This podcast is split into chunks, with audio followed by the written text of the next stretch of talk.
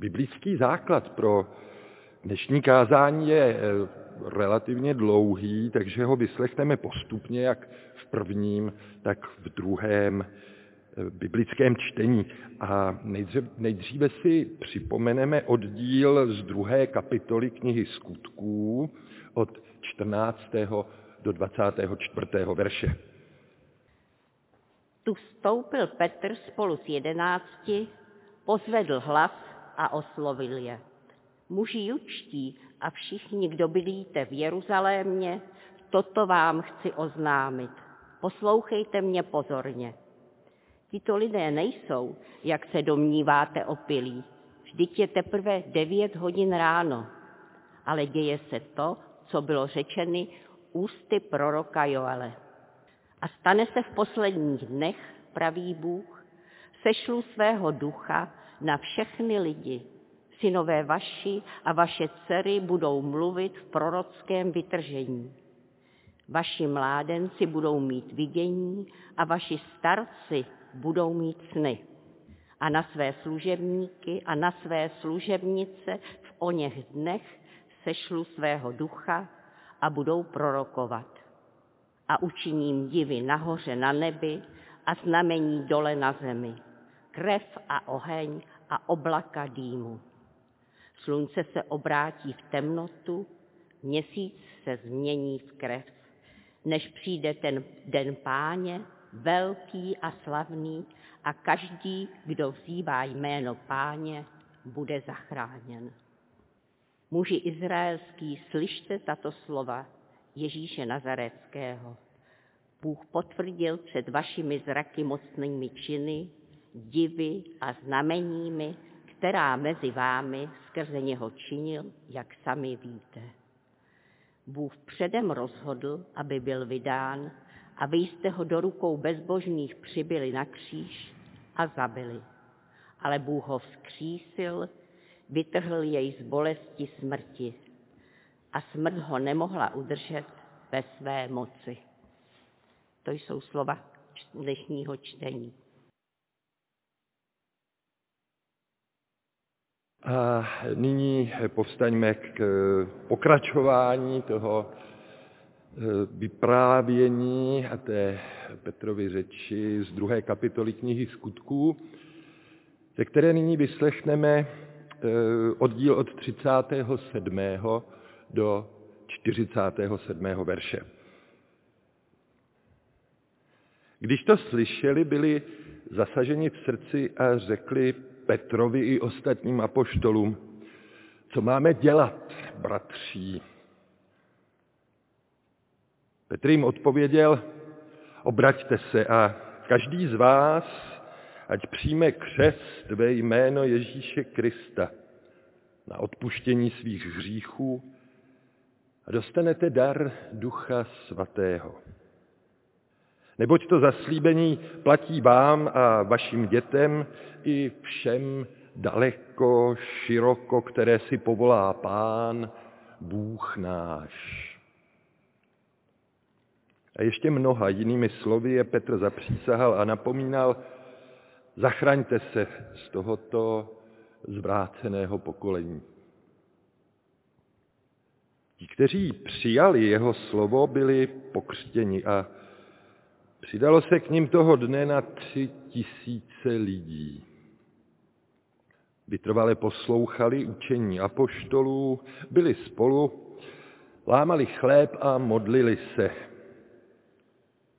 Všech se zmocnila bázeň, neboť skrze apoštoly se stalo mnoho zázraků a znamení. Všichni, kteří uvěřili, byli pospolu a měli všechno společné prodávali svůj majetek a rozdělovali všem podle toho, jak kdo potřeboval. Každého dne pobývali svorně v chrámu, po domech lámali chléb a dělili se o jídlo s radostí a upřímným srdcem. Chválili Boha a byli všemu lidu milí a pán denně přidával k jejich společenství ty, které povolával ke spáse. Sláva buď Bohu Otci, i Synu, i Duchu Svatému, jakož byla na počátku, budiš a zůstávej nyní i na věky. Amen. Sestry a bratři, když eh, Lukáš psal své vyprávění o seslání Ducha Svatého, vlíčil to vanutí ducha jako krom obyčejnou událost.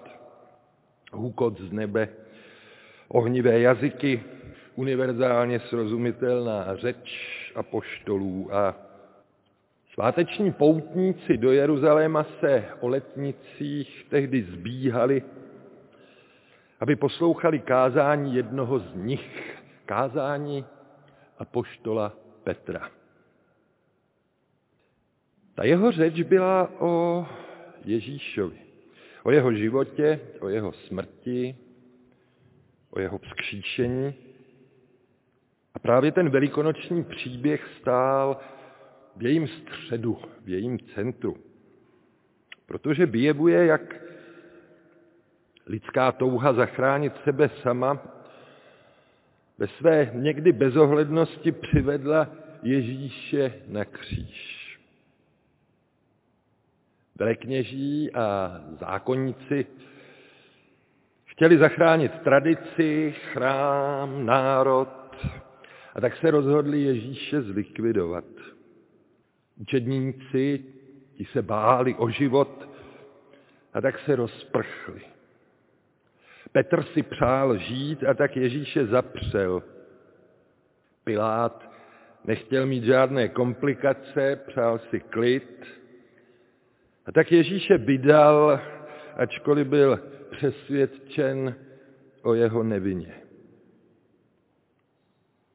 A zástupy toužili po obětním beránkovi, který za všechno může a představitelé lidu jim ho dali. Stačilo jenom volat ukřižuji. Ale to ještě neznamenalo konec příběhu.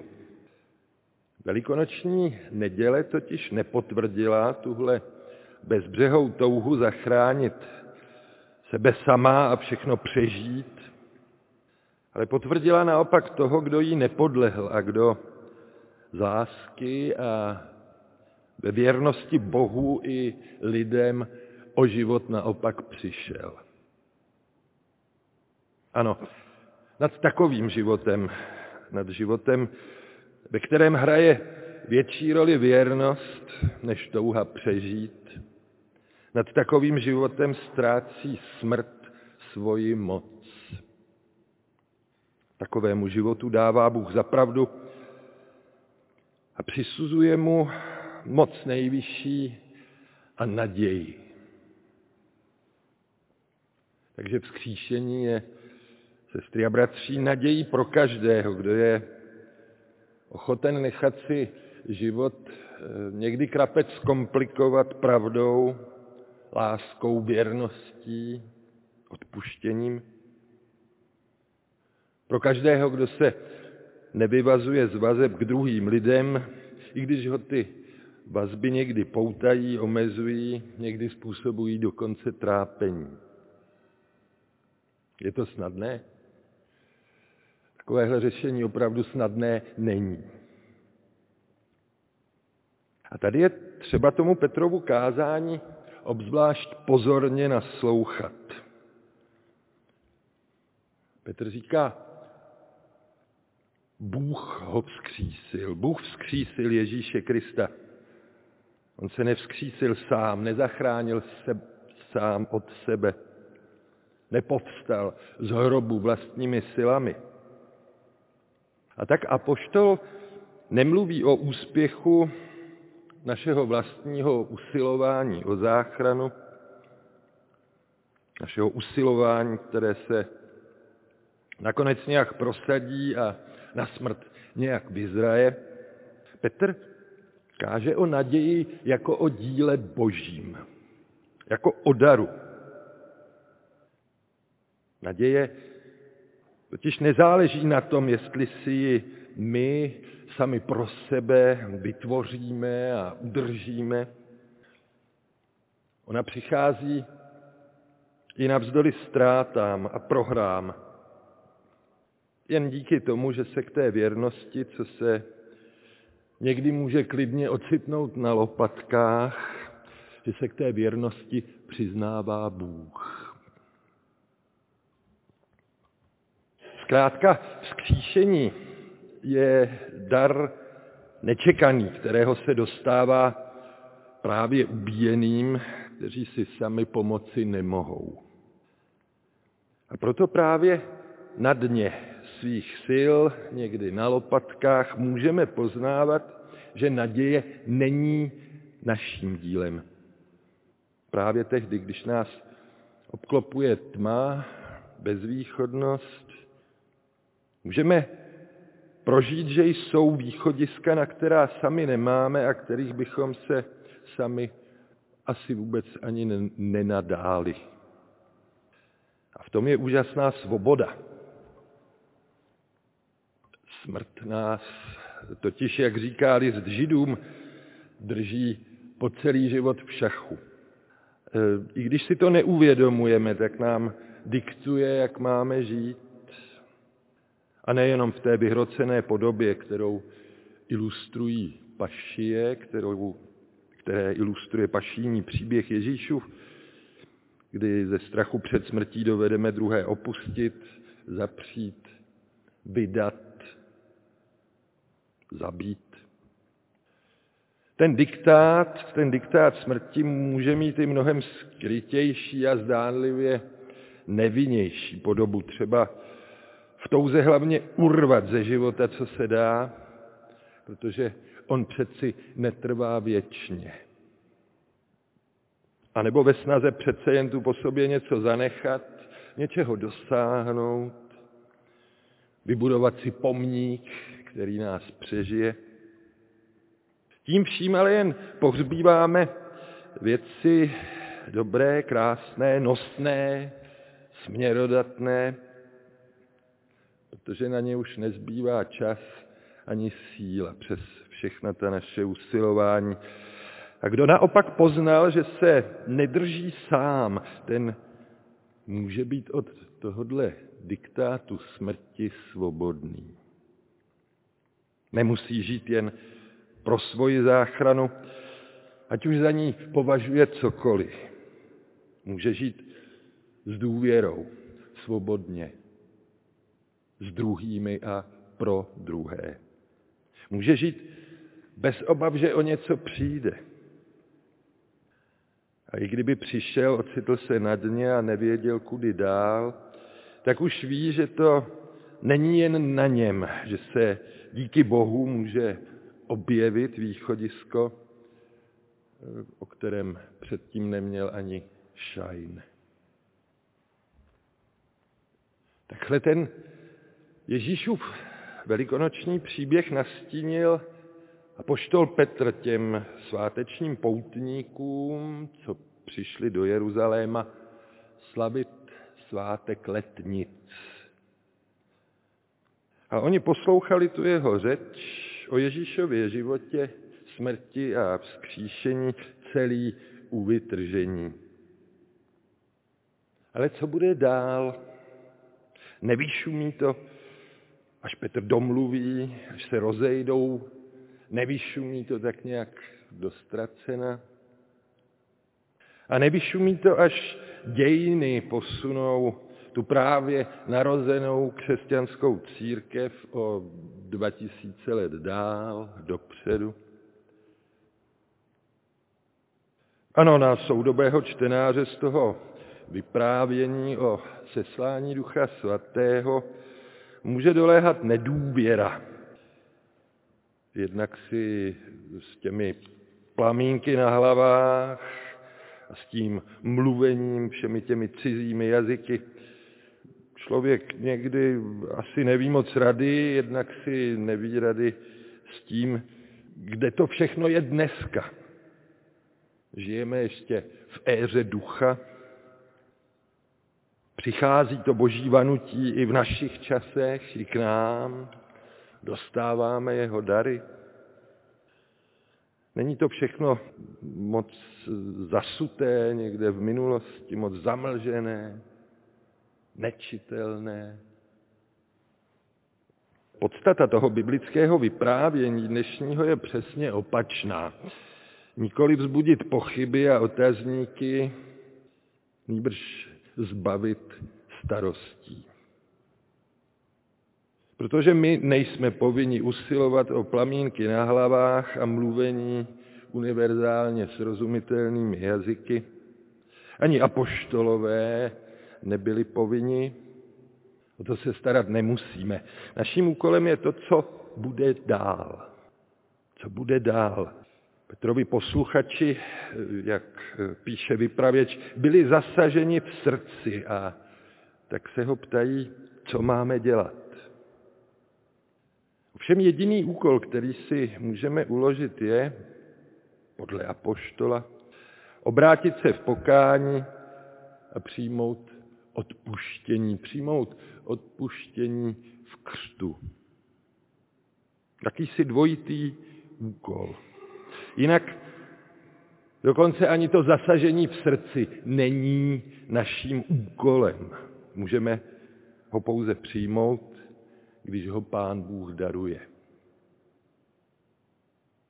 Ale i tak toho pro to naše dvojí usilování nadále zbývá ještě docela dost.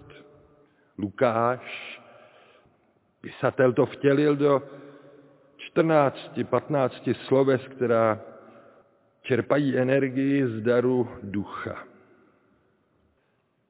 A ta slovesa míří doprostřed společenství. Byli spolu, pobývali svorně v chrámu, vedou ke sdílení, ke sdílení starostí i radostí. Měli všechno společné. Učí soustředěnosti nad Biblí. Vytrvale poslouchali učení apoštolů. Svolávají k bohoslužbě. Každého dne pobývali svorně v chrámu, po domech lámali chléb, chválili Boha. A dále napomínají k solidaritě a velkorysosti. Rozdělovali všem, jak kdo potřeboval, dělili se o jídlo s upřímným srdcem. A že jak píše Lukáš, byli všemu lidu milí. Platilo asi v osobních kontaktech, i když to třeba nevydrželo vždycky a všude. A jestli těch pokřtěných má přibývat už zas, není otázka naší lidské náborové píle, ani otázka našich přesvědčovacích schopností, je to ten nebeský dárce, který přidává nikoli naše misionářské strategie. Ta lidská odpověď na dar ducha je tedy velmi prostá, pozemská, vlastně velmi obyčejná. Stačí to? Nebo to nestačí? Třeba by mohl přijít farář, který zapálí nové plameny na nových hlavách i tady u Salvátora. Takzvaný duchovní manažer, který vymyslí efektivní misijní strategii. Ale je to cíl a je cílem nářek nad tím, že evangelium neduní světem jako jediná úspěšná ideologie. Osobně věřím, že to všechno by vedlo spíš k opaku svatodušního vzniku církve.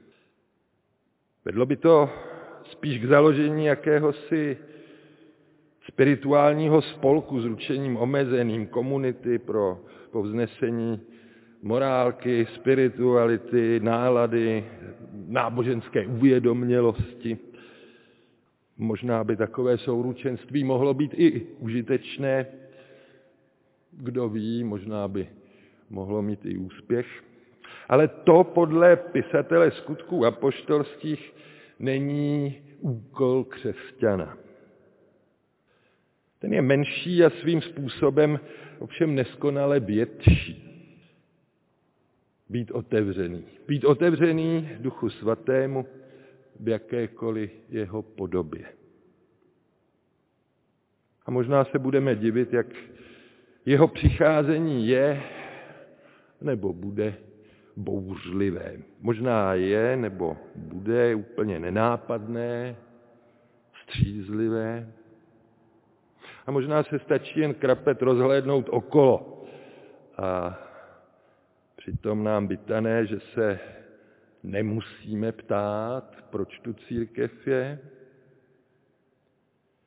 že církev daroval pán Bůh jako možnost, a to možnost dobrou, přes všechno to, co nás na té naší českobratrské někdy mrzí, někdy otravuje, někdy nudí.